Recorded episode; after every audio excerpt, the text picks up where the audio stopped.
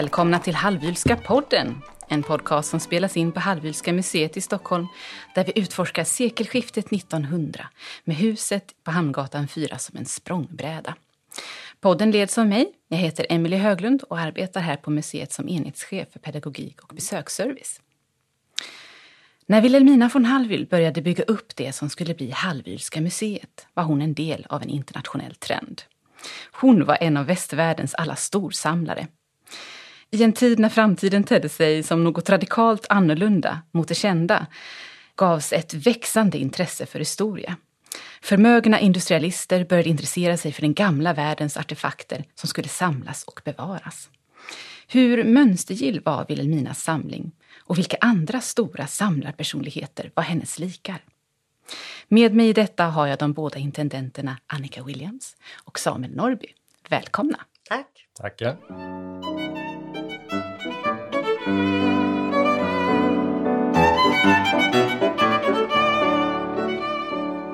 Vad var det som var utmärkande för de samlare som vi kallar för storsamlarna just? Så som jag skulle beskriva dem i alla fall så var det ju samlare som hade en väldig bredd i sina samlingar. Att de täckte in stora områden. Ett eh, cyklopediskt förhållningssätt till, till, eh, de, till sina samlingar. Och det är väl det som också gör, tror jag, att de fungerar så fint också som studiesamlingar, de här storsamlarnas samlingar, där de har bevarats i sin helhet. Många har ju skingrats också. Mm. Ja, det stämmer. Det finns väl i princip två sätt att samla på då som nu. Det är det här eh, den bredden som Wilhelmina von Hallwyl representerar med lite av varje, eller mycket av varje i hennes fall. Mm. Eller att man är väldigt nischad. Och det är väl kanske det som nu för tiden är samlande i egentlig mening, att man samlar smurfar bara eller krämkoppar eller någonting sånt där. Men just den här eh, bredden med allt från möblemang till eh, små pjäser och porslin och vapen och rustningar och sånt. Det är det som är väldigt inne hos många förmögna människor på Vilhelminas tid. Kan man säga att det har rötter i bakåt i tiden till den typen av samlingar som ska bli någon sorts överblick över världen där man samlar kuriositeter som ska beskriva vad som, vad som finns att upptäcka? Ja, naturligtvis. Fenomenet går ju långt tillbaka. Jag menar renässansens första och sådär som samlar eh, och har sina kuriosa kabinett och konstkammare. Och, eh, på den tiden var det många gånger att man samlade på sig den egna tidens konst. Man lät konsthantverkare och, och målare göra saker till sin egen samling. Men när vi kommer fram till 1800-talet och de här eh, samlarna som Wilhelmina representerar, då är det ju en historieromantisk infallsvinkel som ligger i botten. Va? Och att man vill eh, rädda det gamla eftersom nutiden går så hastigt framåt. Och så. Mm. Du har beskrivit det här som en förstesyssla tidigare, Annika. Mm.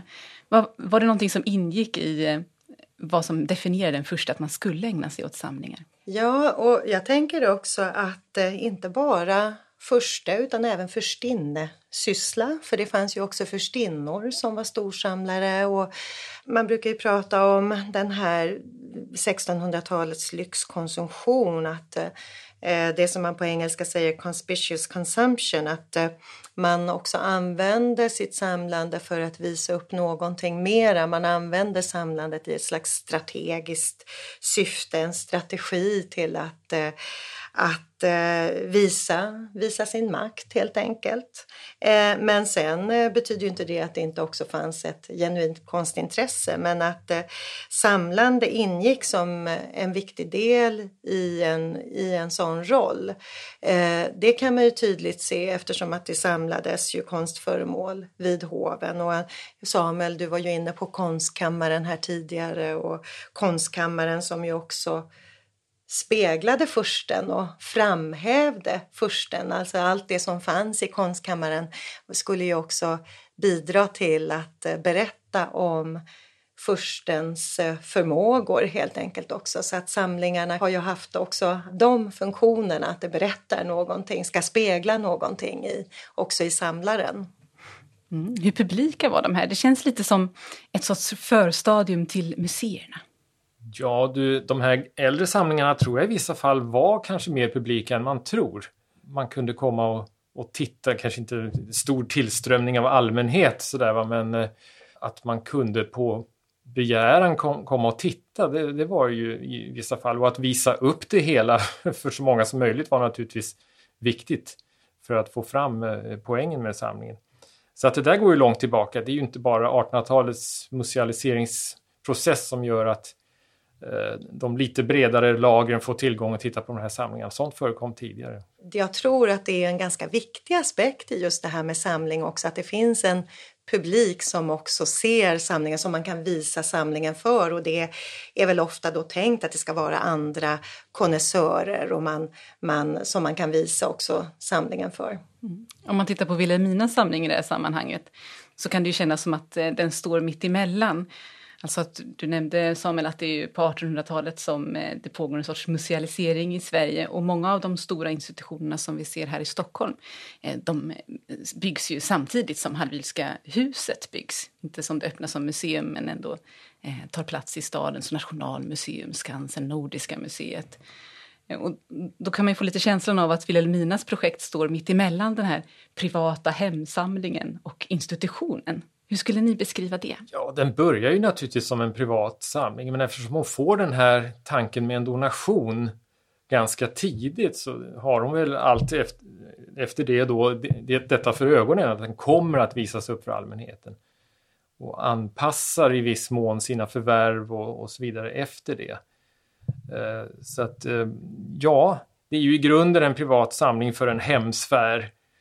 Men eh, ganska snart tar den ju en inriktning som vittnar om att man är helt eh, inriktad på att den också kommer att visas upp för de bredare lagren senare. Det finns ju andra samlare också som, har, alltså som är lite lika Wilhelmina på det sättet av att de har varit storsamlare under en längre period och sen vill de bygga ett hus, skräddarsy ett hus för samlingarna precis som Wilhelmina von Hall vill.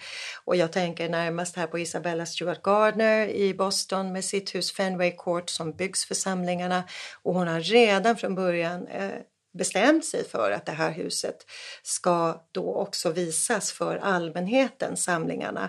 Och hos Wilhelmina så vet vi ju inte exakt när den här tanken kommer men vi vet ju i alla fall att den kommer ju på ett tidigt stadium för det antyder hon ju i sina minnesanteckningar att, att i framtiden så, så på något sätt vill hon ändå när det här huset har byggts och skräddarsytts församlingarna att det ska visas som ett museum. Men sen utvecklar hon ju sin museitanke under åren. Hon har ju inte den fix och färdig men, och sen att det blir hela det här etnologiska projektet. Men det som jag tycker är intressant att se med många av de här storsamlarna det är ju att de, det finns någon slags pedagogisk eh, drive i dem, att de vill också eh, visa, dela sina samlingar men också liksom att det ska vara mm, eh, samlingar som ska bidra till bildning. Mm. Wilhelmina formulerar ju till och med en sorts ambition med, med sitt museum. Hur låter den? Ja, alltså jag tänker på att när Wilhelmina också, hon, dels har hon ju pratat om sina samlingar med, med bredden, att hon säger att det väsentliga har dock för mig icke varit att samla särskilt dyrbara och sällsynta saker utan att ihopringa ett så rikhaltigt material som möjligt. Och sen säger hon att vissa samlingar samlar sig själva medan andra samlingar där hon har haft en väldigt målmedveten strävan efter att hon ska skapa en kvalificerad och betydande samling inom ett visst område. Så att, så att eh, det finns ju en slags pedagogisk intention tycker jag i Wilhelminas eh, då samlande och också hur samlingarna tar gestalt i det här huset för hon är ju den som faktiskt iscensätter hela den Hallwylska samlingen också i huset. Och jag ser på henne som den första curatorn, intendenten av samlingen eftersom att hon, ja hon, hon är, hon, hon tar tag i det som är, hon ansvarar för kunskapsuppbyggnaden om samlingen, hur den ska ordnas, att det ska vara ordning och reda i samlingen, att den ska vårdas, att den ska bevaras. Så, eh, så att, så att hon, hon har en slags kuratorial roll redan tidigt att hon väljer vad som ska samlas, hur det ska samlas, hur det ska visas. Kan du nämna något exempel på hur man ser den här pedagogiska ådran i hur de visas? Eh, ja, du tänker sen hur samlingarna också då gestaltades. Ja. ja, det tycker jag man ser i de här tydliga som hon kallar för museirummen, alltså vapensamlingen, samlingen för europeiska porslinet, eh, tavelsamlingen, eh, samlingen då för den östasiatiska keramiken. Alltså i de här samlingsrummen tycker jag det blir väldigt tydligt. Vad säger du Samuel? Ja visst blir det ju det. Hon ordnade ju med små plaketter till exempel med eh, grundläggande information om många föremål. Eh, som på ett riktigt museum så att säga. Så det, det fanns ju hela tiden sådana små planer som hon gjorde. Men hon skriver ju där också att det ska vara ett så brett och rikt material som möjligt till belysning av såväl äldre tiders kultur som min egen samtid. Och då är det väl så att eh, hennes konstsamlingar framförallt representerar det här äldre. Va? Måleriet och de kinesiska bronserna och vapnen och allting. Sen eh, vardagsföremålen och hennes mer etnologiska vinkel, de föremålen är väl det som framförallt representerar hennes egen tid. Dräktsamlingen, köksutrustningen och allting sånt. Men det är ju mycket medvetet att hon, att hon gör precis så. De här kategorierna som Wilhelmina samlade på, är det typiskt? Jag tänker på, du radade ju upp de här vapen, möbler, europeiskt porslin, asiatiskt porslin, bronser, eh, flamländskt, holmländskt, 1500-1600-tal. Är det liksom ett typiskt samlande eller riktade sig de här storsamlarna på, åt olika håll? Man kunde naturligtvis ha lite olika inriktningar men på det hela taget tycker jag att Vilhelminas samling är väldigt typisk.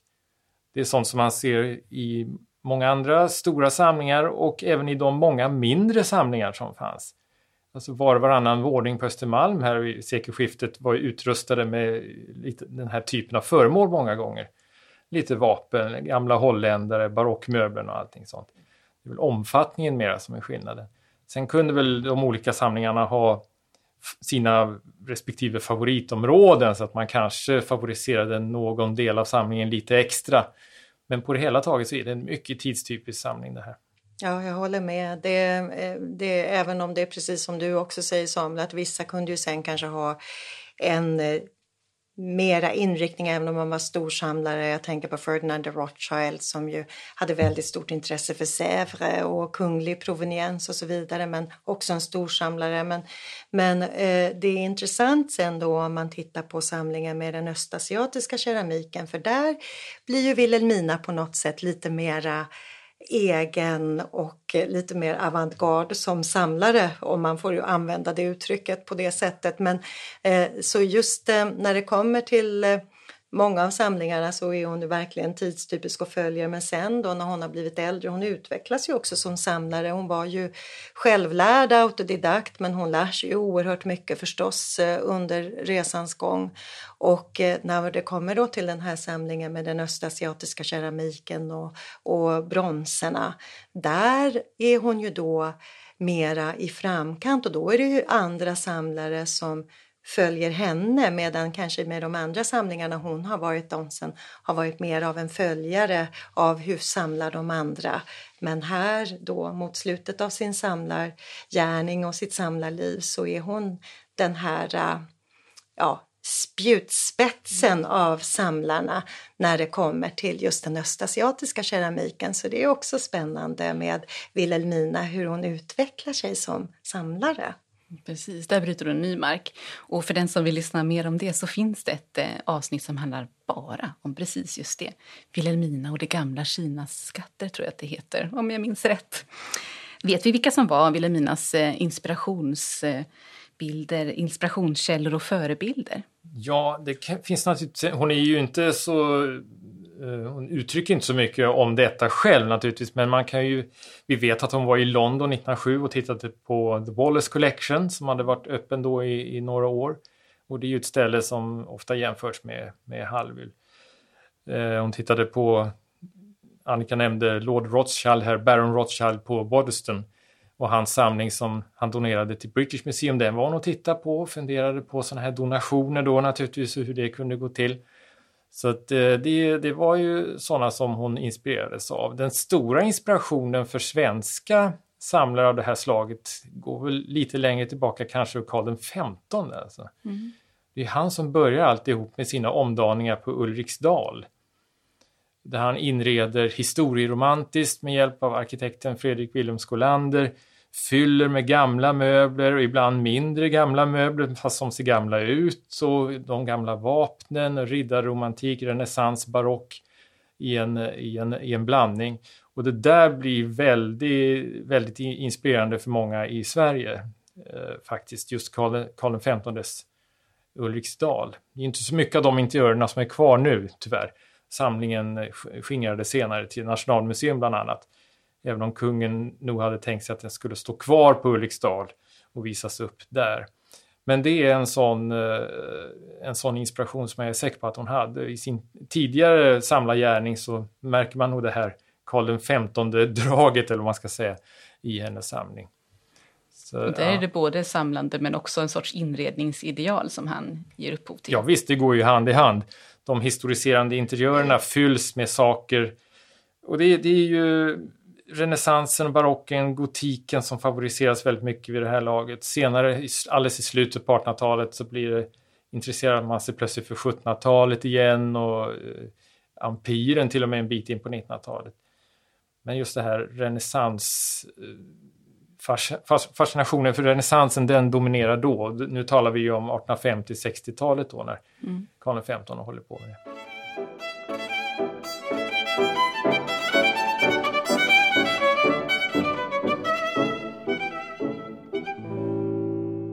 Någonting som är lite spännande med det här modet också är ju att de som eh, i hög grad skapar de här eh, historiserande hemmen kommer från den nya samhällsklassen, den nya samhällseliten med industrialismens nyrika. Vill du säga någonting om det? Ja, det, det är ju, och det där märker man överallt, inte minst i USA, att eh, de här nyrika finansmännen, bankirerna, industrialisterna omger sig ju med den gamla aristokratins och kungligheternas rekvisita så att säga. För att eh, bygga upp den här känslan av kultur och förfining och eh, naturligtvis en genuin fascination för det.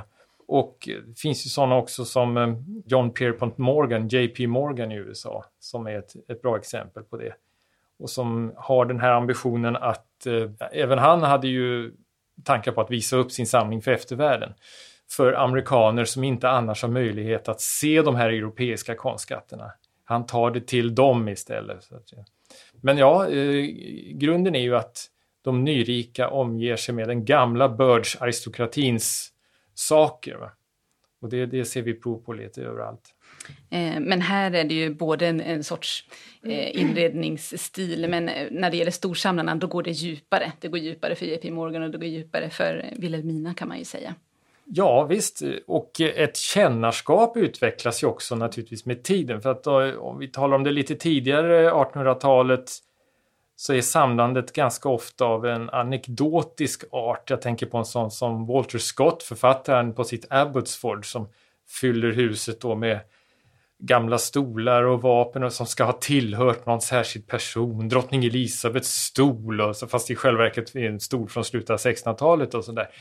Eh, om man går på de här lite lösa associationerna. Men allt eftersom 1800-talet går så utvecklas också ett, ett konnässörskap och ett eh, konsthistorisk fördjupning i samlandet som gör att man blir bättre på att se vad som faktiskt är, är äkta och inte.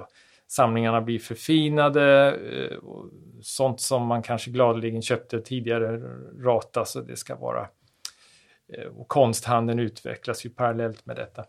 Jag tycker också att det är viktigt det här med eh, kännarskapet som ju är en stor och viktig del av samlandet. Och jag tänker på en annan person då som är intressant att jämföra med Wilhelmina.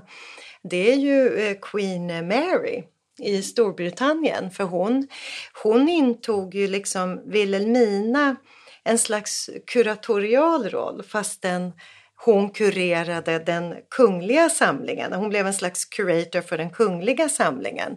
Eh, så hon är ju spännande. Sen finns det ju väldigt många berättelser kring Queen Mary att hon, hon var ju Eh, och det kanske man blir som samlare, jag vet inte, man är lite besatt av sitt samlande. Så att eh, eh, aristokratin i Storbritannien blev ju ganska rädda för att bjuda hem Queen Mary för att då om hon kom in i en salong och sa att ja, det var en väldigt trevlig möbel det här, då betydde det att då var man tvungen att eh, ge henne den där möbeln. Och den kunde ju kanske ha bestått av ett antal stolar. Så att det, det, blev lite av en visare där med att, att inte bjuda hem Queen Mary. För att det gällde att stoppa undan det man hade.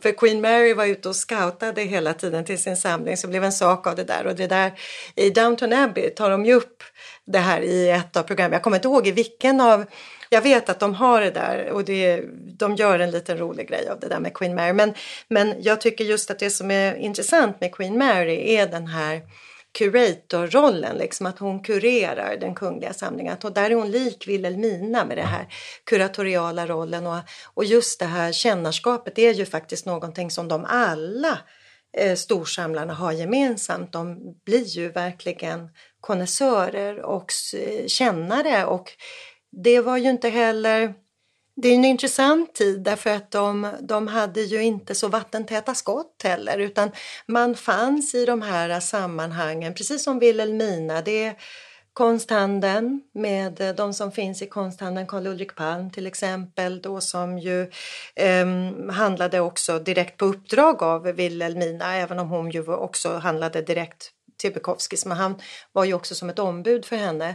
Men och sen forskare, alltså vid universiteten Ehm, och, och museimän och samlare. Alltså de fanns i gemensamma kontexter. Det kan man ju se här också med hur de, eh, Wilhelmina får inbjudan till samkväm till exempel då i, eh, till östasiatiska samlingen och så vidare. Och då, då är det inte vattentäta skott mellan de här olika grupperingarna utan de fanns i samma sammanhang och det är ju någonting som också tycker jag utmärker den här tiden. Ja visst, de privata samlarna var ju ofta helt avgörande för uppbyggandet av offentliga museer. Mm. Det var ju deras donationer och deras pengar många gånger som bidrog till att, att skapa samlingarna där. Det skulle inte blivit någonting annars. Det, återigen den här JP Morgan i USA till exempel, det är ju hans samling som är nästan hela grundplåten till Metropolitanmuseet. Så att eh, om det nu är lite nu för tiden mer vattentäta skott mellan de världarna så var det ju inte det då. Absolut inte.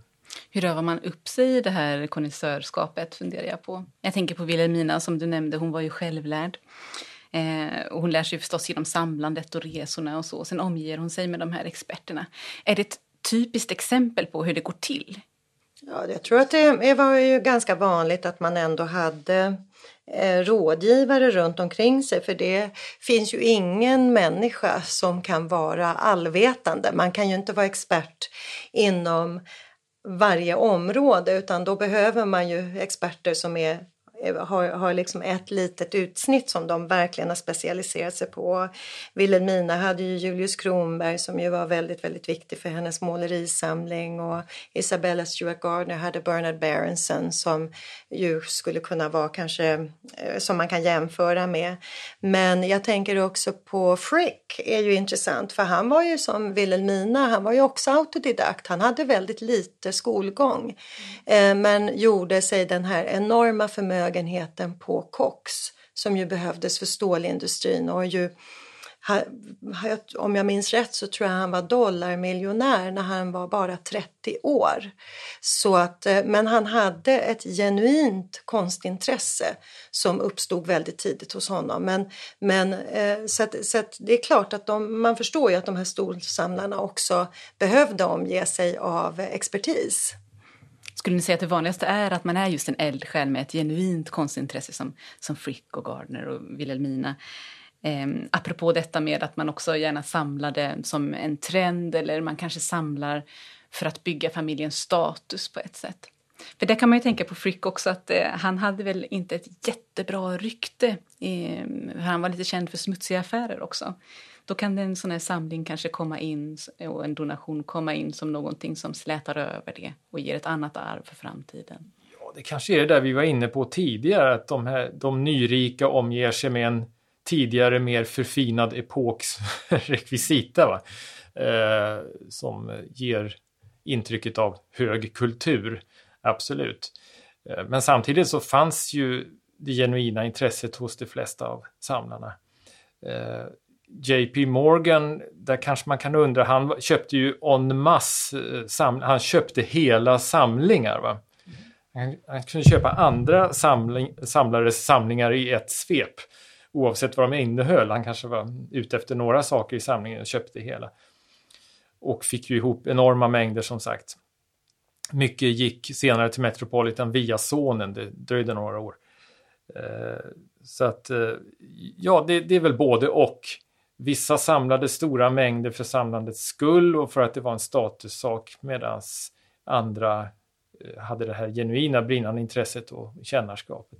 Jag läste en intressant biografi om JP Morgan och eh, den här biografen uttrycker en en, liksom en, en, en undran över hur det kommer sig att en sån person som JP Morgan som ju byggde upp finansstrukturer inte skapade en hållbar struktur för sina samlingar till eftervärlden i och med att han, han hade ju precis som Samuel sa de här tankarna, han ville ju att det här skulle komma amerikaner till del och så vidare.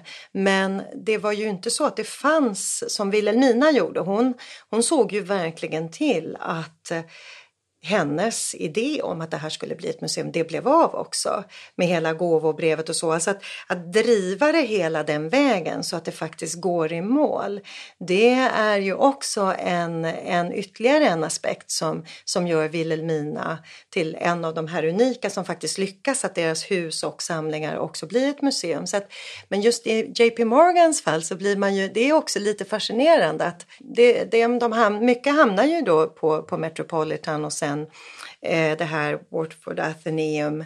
Eh, men men eh, han, in, han lyckades inte med att skapa den hållbara strukturen för samlingarna så att det blev ju ändå en skingring. Att de fanns ju inte kvar i huset. Frick lyckas för han hade också den ambitionen att huset och samlingarna är ett. Men där kanske man har också olika inställning. Eh, vissa av dem har ju det så tydligt, de här storsamlarna, att de då är samlingarna skräddarsydda för just det här huset. Det går inte att ta samlingar från huset. Morgan kanske, han kanske inte såg på sin samling på det sättet att det var just, eh, han hade ju också hus i New York där han hade samlingar och särskilda rum för, för Sävre och Frick var inspirerad av hans hus. Mm. Ja, var det öppet publikt, det blev jag nyfiken på, apropå att han hade den här eh, pedagogiska ambitionen att visa amerikanerna de här gamla skatterna.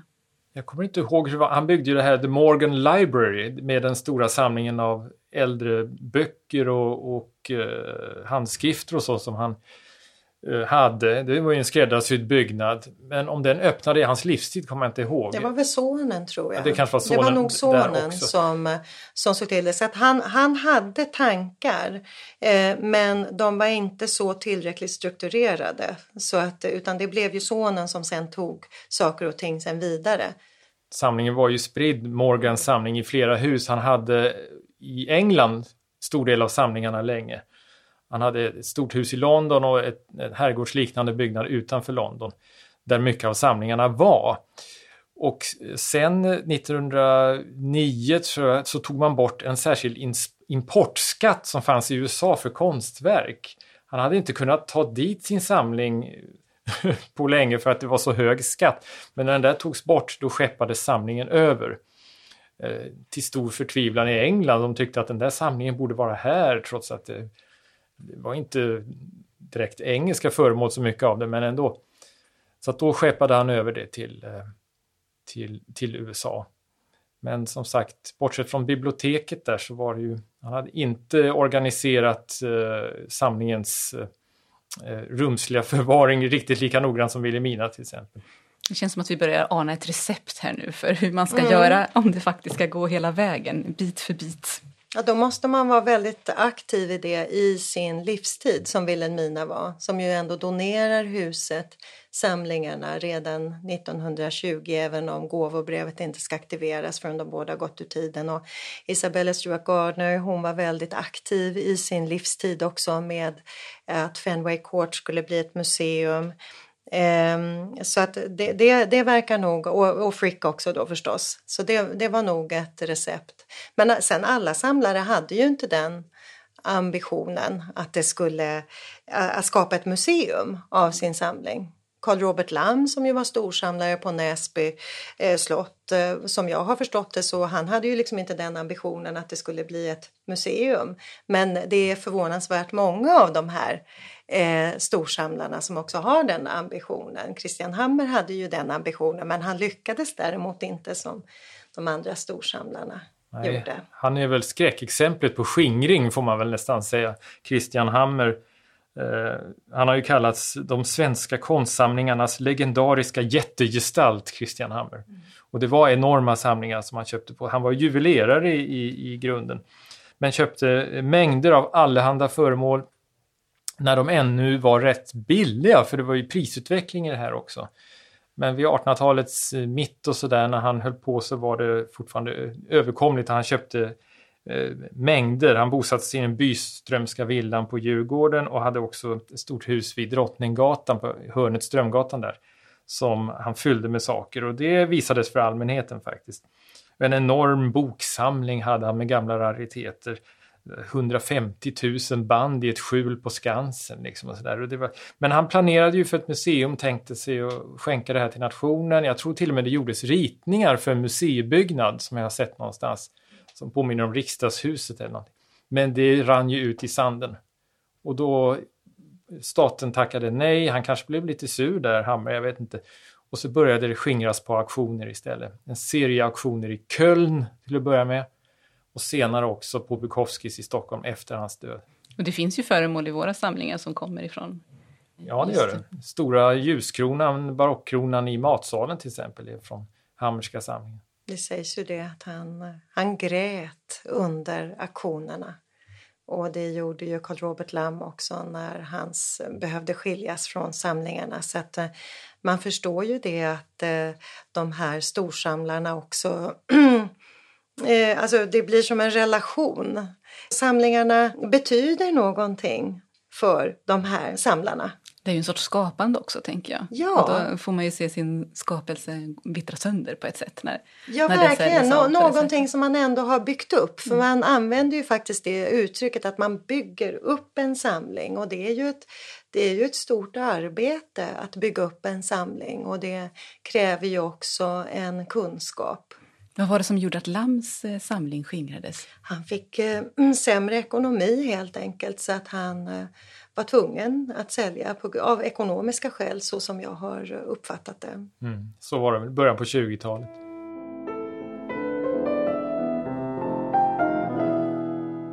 Det blir väl en viss inflation också i, med, i samlingarna i och med att det var så populärt, eller en sån stor trend att samla med många donationer eller försäljningsförfrågningar till staten. Var det därför som vi inte idag kan besöka Christian Hammer-museet? Alltså att det inte blev verklighet. Eller varför tackar staten nej till en sån eh, möjlighet? Jag vet inte riktigt. Jag tror kanske i, i vad gäller det fallet att det var samlingarnas omfång som var avgörande och behovet av en jättelik byggnad och sådär. Det var det som fick dem att rygga tillbaka. Men som sagt, den här så kallade Rembrandt-målningen som har varit så omdiskuterad ända sedan hennes tid i samling, den hade varit i Hammers samling. Som sannolikt då alltså inte är en Rembrandt? Eh, nej, precis. Det, det, det senaste budet är väl att det inte är det. Men det var mycket diskussion i hennes livstid. Mm.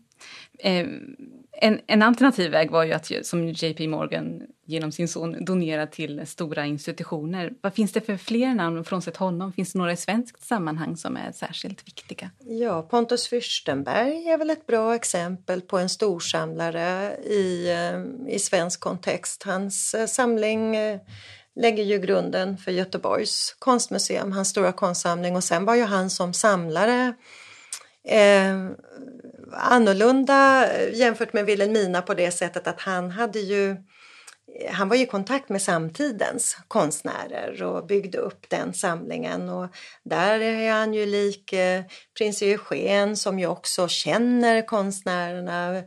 Prins Eugens Valdemarsudde är ju också ett intressant museum. Det är ju både en samlare och en konstnärshem.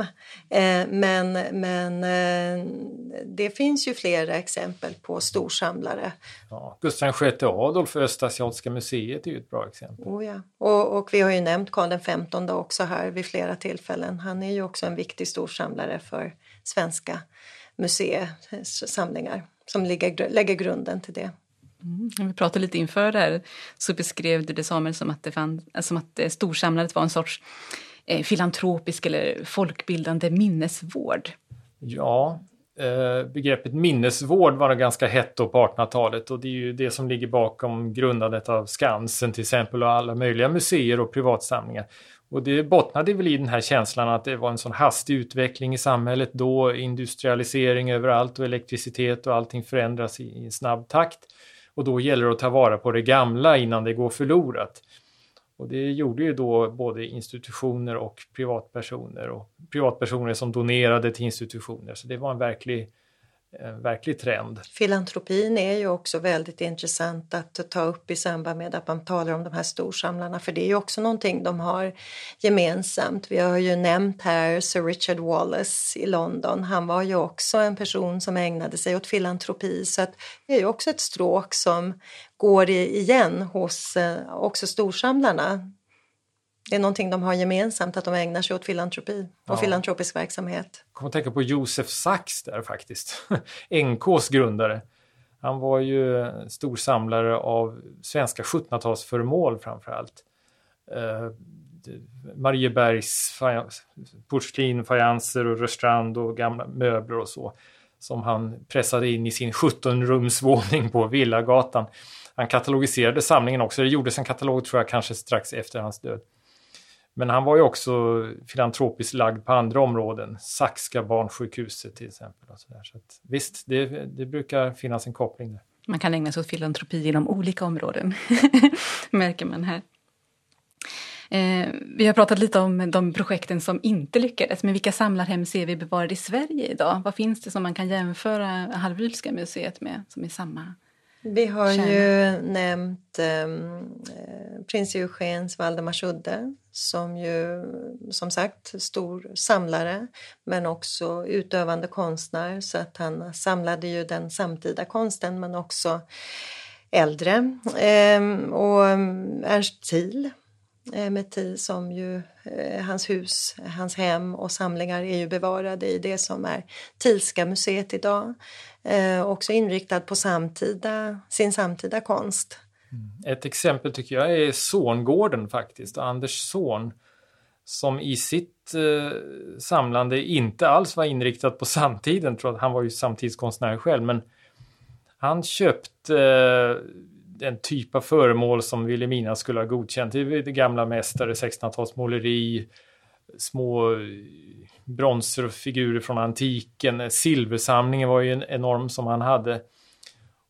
Och eh, på Sångården så visades ju detta upp i miljöerna då på ett sätt som eh, påminner om Vilhelmina och ändå inte för arkitekturen är ju så annorlunda. Men och Son kände ju dessutom Isabella Stewart Gardner och porträtterade henne och var inspirerad av sådana förnämliga samlingar som han såg och försökte efterlikna det i sitt eget hem. Även Stockholms ateljén faktiskt eh, nära Slussen här så inreddes lite åt det hållet. Vi har ju i Frankrike också, jag tänker på Nelly Jacquemart och Edouard André som ju också uppför ett hus för då de stora samlingar som de har. Och hon var ju konstnär och porträttkonstnär och han var ju, blev ju förmögen inom bankirverksamheten men också storsamlare och de har hela sitt liv som de ägnar åt att eh, skapa samlingar, bygga samlingar och ha det i det här huset som ju också sen då doneras till staten och det finns ju fler exempel i Frankrike också så att det, det är verkligen någonting som kännetecknar tiden. Mm. Ja, internationellt finns det ju rätt många exempel egentligen. Det är väl färre i Sverige och det är lite sådär småtragiskt när man tänker efter hur många samlingar som fanns va, mm. i detta land eh, och som har, sen har skingrats. Eh, jag som brukar ständigt gå igenom de här svenska hem i ord och bilder tidskrifterna som är nästan memorerat vid det här laget kan ju konstatera vilken eh, förnämlig hemkultur som fanns med de här fina samlingarna lite överallt i stora våningar och villor och, och, och det där har ju försvunnit till 99 procent. finns några kvar då. Jag tänker att vi är ju båda storläsare av Asplunds konstkännare och köpmän. Och där skriver han ju just också om eh, alla de här svenska storsamlarna. Eh, och det kan ju vara en väldigt, det är en rekommenderad läsning verkligen om man vill sätta sig in i den svenska kontexten av storsamlare vid den här tiden. För att eh, det är precis som du säger Samuel, att det är ju på något sätt det är en tid som försvinner sen men det är någonting som är utmärkande i den här svenska kontexten vid sekelskiftet 1900 att det var många storsamlare men väldigt många av de samlingarna har ju då skingrats. Men tack och lov så är Wilhelmina von Hallwyls kvar och ja, en del andra som är nämnt här också. Då. Mm. Man får ju anta att de kände till varandra, men vet vi om de också kände varandra? De här stora samlarpersonligheterna. I många fall ja, naturligtvis. Eh, sen vet jag inte vad gäller Wilhelmina och en sån som Ernest Thiel till exempel, det har vi väl inga belägg för. Eh, Anders Zorn däremot tror jag förekommer i gästboken. Eh, men världen var väl liten, särskilt den här världen, så att eh, många kände ju varandra naturligtvis. Asplund skriver ju om det i sin bok där att det var en liten värld där alla kände alla. Ja. Så han, han pratar ju om den här svenska samlarvärlden som är väldigt liten värld och sen den här då konnässörsvärlden kring det gamla Kina som de sa, som Vilhelmina tillhörde. Det, det beskriver han ju också som ett litet eget gäng sådär som där alla känner alla väldigt väl. Och, eh, så att eh, ja, de, de kände nog varandra och kände till varandra.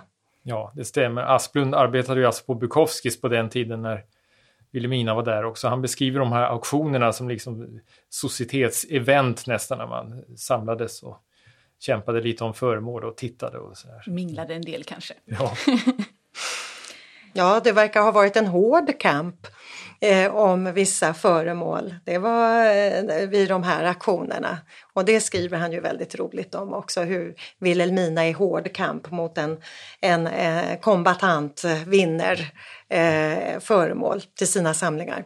Absolut. Ja, han har en del anekdoter om grevinnan Halvby som är roliga att läsa där faktiskt. Ni råkar inte ha någon sån på lut för nu blir man ju nyfiken. Ja, det är Asplund som eh, är källan till den historia som vi väl ganska ofta har berättat här eh, på visningarna att eh, grevinnan Hallwyl var så enkelt klädd när hon kom över till Bukowskis för att titta på sakerna och att, att hon halade upp sedelbuntar ur strumporna som han skriver. Det, hon kom där tillsammans med sällskapsdamen, fröken Ose. Det är han som är källan till den. Och han har ju tydligen sett det med ögna, egna ögon så det får man väl tro på. Och samtidigt så ser vi sen i dräktsamlingen också när vi tittar på Wilhelminas eh, klänningar som hon har, i alla fall det representativa urvalet, för det är ju hon som har kurerat det också, vad som ska bevaras av dräkterna eh, till framtiden. Men, men tittar man då på flera av de här klänningarna som är då från när hon är en äldre kvinna eh, så är det ju en, inte kanske en modemedveten kvinna men det är ju en väldigt välklädd kvinna för de klänningarna är ju av väldigt fin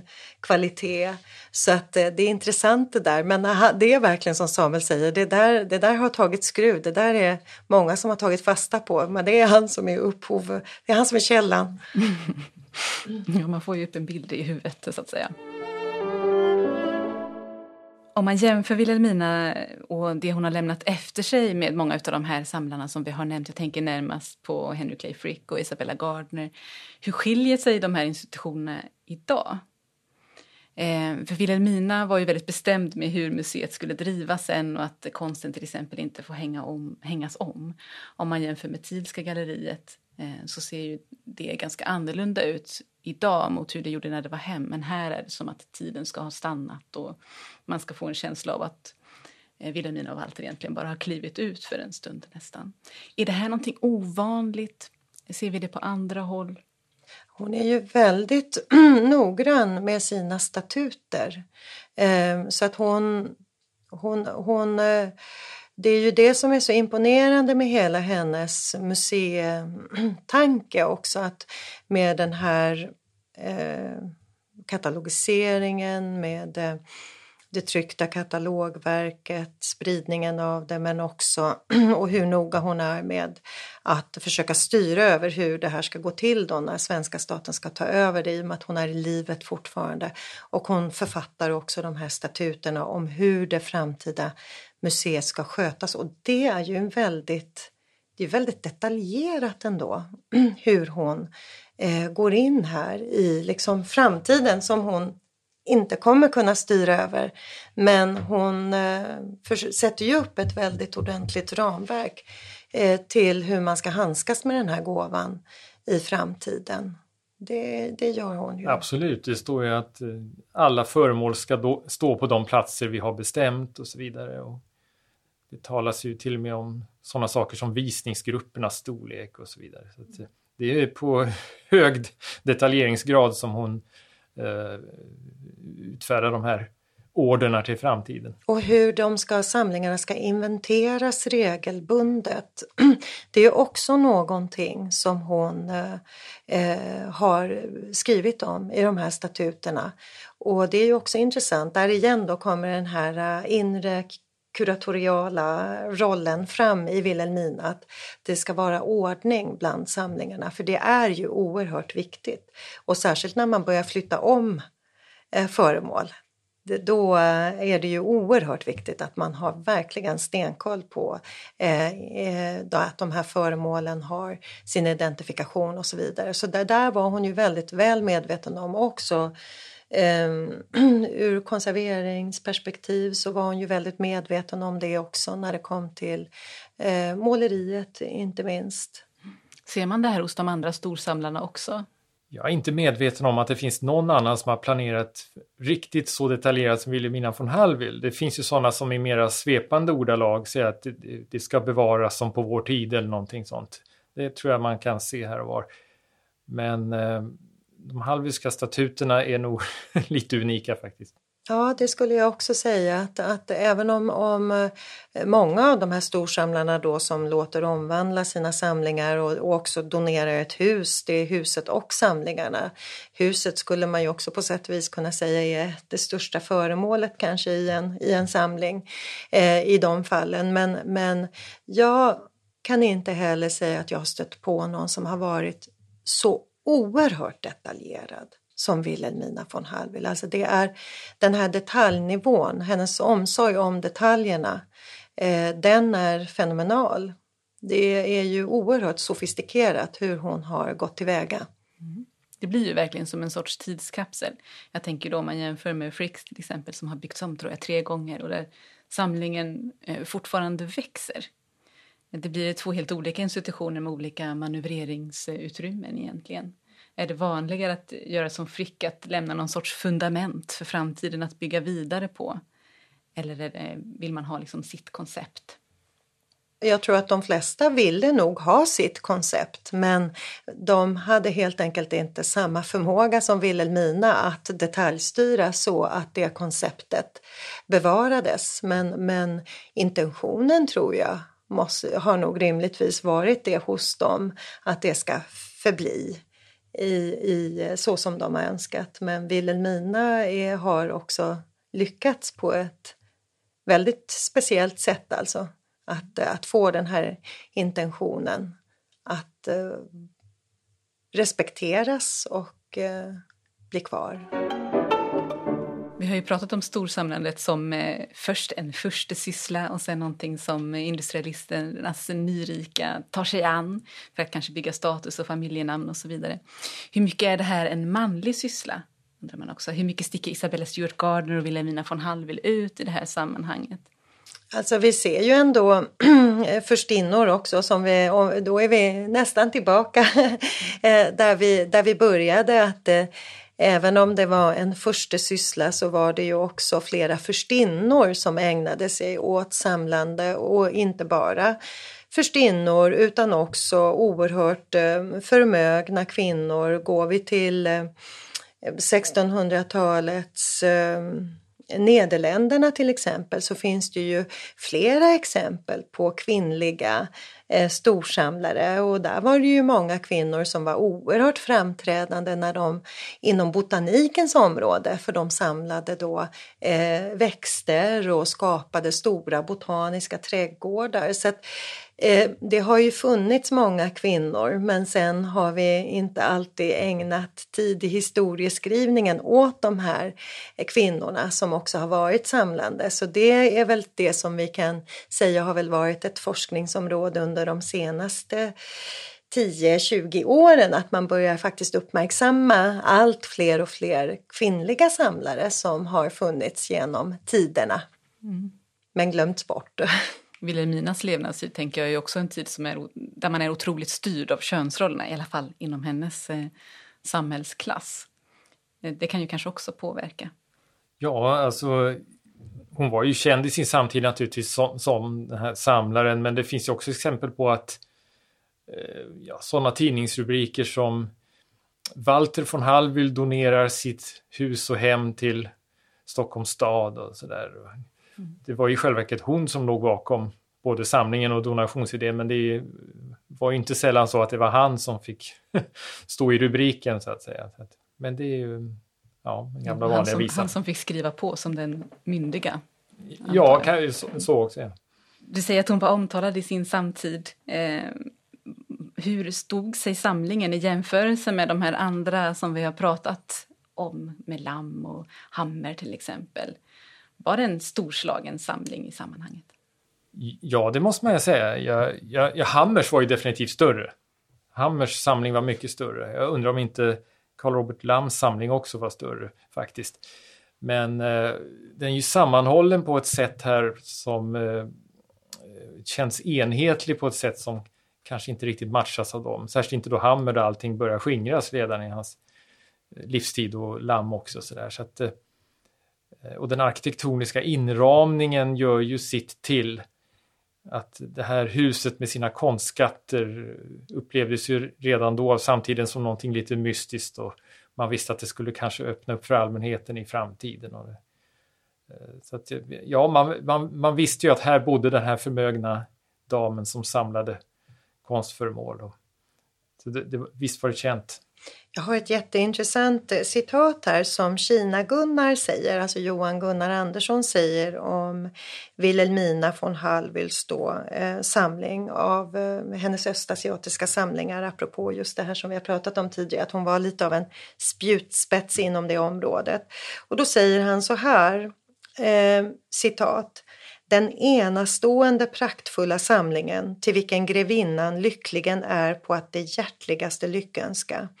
Med grevinnans ståtliga samling, kronprinsens skatter och nu senast östasiatiska samlingarna har Stockholm blivit ett centrum för studium av den gammal kinesiska konsten. Grevinnan är banbrytaren på detta fält och bör där tillbörligen hyllas. Slutcitat. Det är ju ett citat från tiden som säger väldigt mycket om också hur då samtiden såg på Vilhelmina då just i den här delen av samlingen att där var hon banbrytande. Absolut, vilket berömmande citat. Ett annat det är fint. ett annat område där, där hon ju var banbrytande är ju att det, det etnologiska perspektivet som du nämnde i början Annika, det här att hon också sparar det som hörde till vardagslivet. Är det någonting som man ser hos eh, de andra storsamlarna också eller är det liksom ett helt nytt fält som hon tar sig an och lägger bredvid storsamlingen i hemmet. hon är ju helt, det här gör ju Hallwylska samlingen helt unik i sitt slag. För att i andra hem eh, har man ju faktiskt eh, i, i flera av de här storsamlarhemmen som har blivit eh, museer har man ju faktiskt då fått eh, köpa till köksattiraljer och så vidare för att då kunna göra en, en gestaltning av köket för att skapa mer den här känslan av att det här var också ett hem en gång i tiden medan här har ju det här bevarats då oerhört medvetet av Wilhelmina von Hallwyl så att det är ju, det är ju unikt i sitt ja, slag. Ja, det, är, det måste det ju vara. Det finns väl en del exempel på donationer av samlingar och hem där vardagsföremål har ingått som en, av en slump så att säga. Eh, men eh, det har ju inte katalogiserats särskilt som det har gjort här redan från början och så vidare med den här medvetenheten. Så att, nej, det är något speciellt. Och att, och att inte heller att Wilhelmina hade en hierarkisk syn på det utan att för henne var då de här vardagsföremålen som var en del av samlingen, det var en lika viktig del av samlingen som skulle katalogiseras och beskrivas, dokumenteras på samma noggranna sätt som de här dyrbara konstföremålen. Så det är precis som du säger Samuel, att annars har det kanske mer halkat med av en slump. Eh, eller så har det inte funnits. Men här har ju det varit eh, av, av samma dignitet. Det är ju en del av hela det här stora katalogverket som består av 78 delar och där kan vi också gå in i de här eh, i inventarierna och vi kan leta bland vardagsföremålen. Vi kan hitta de fantastiska konstföremålen som finns också men de har samma eh, approach i beskrivningen. Mm, de likställs med varandra. Exakt.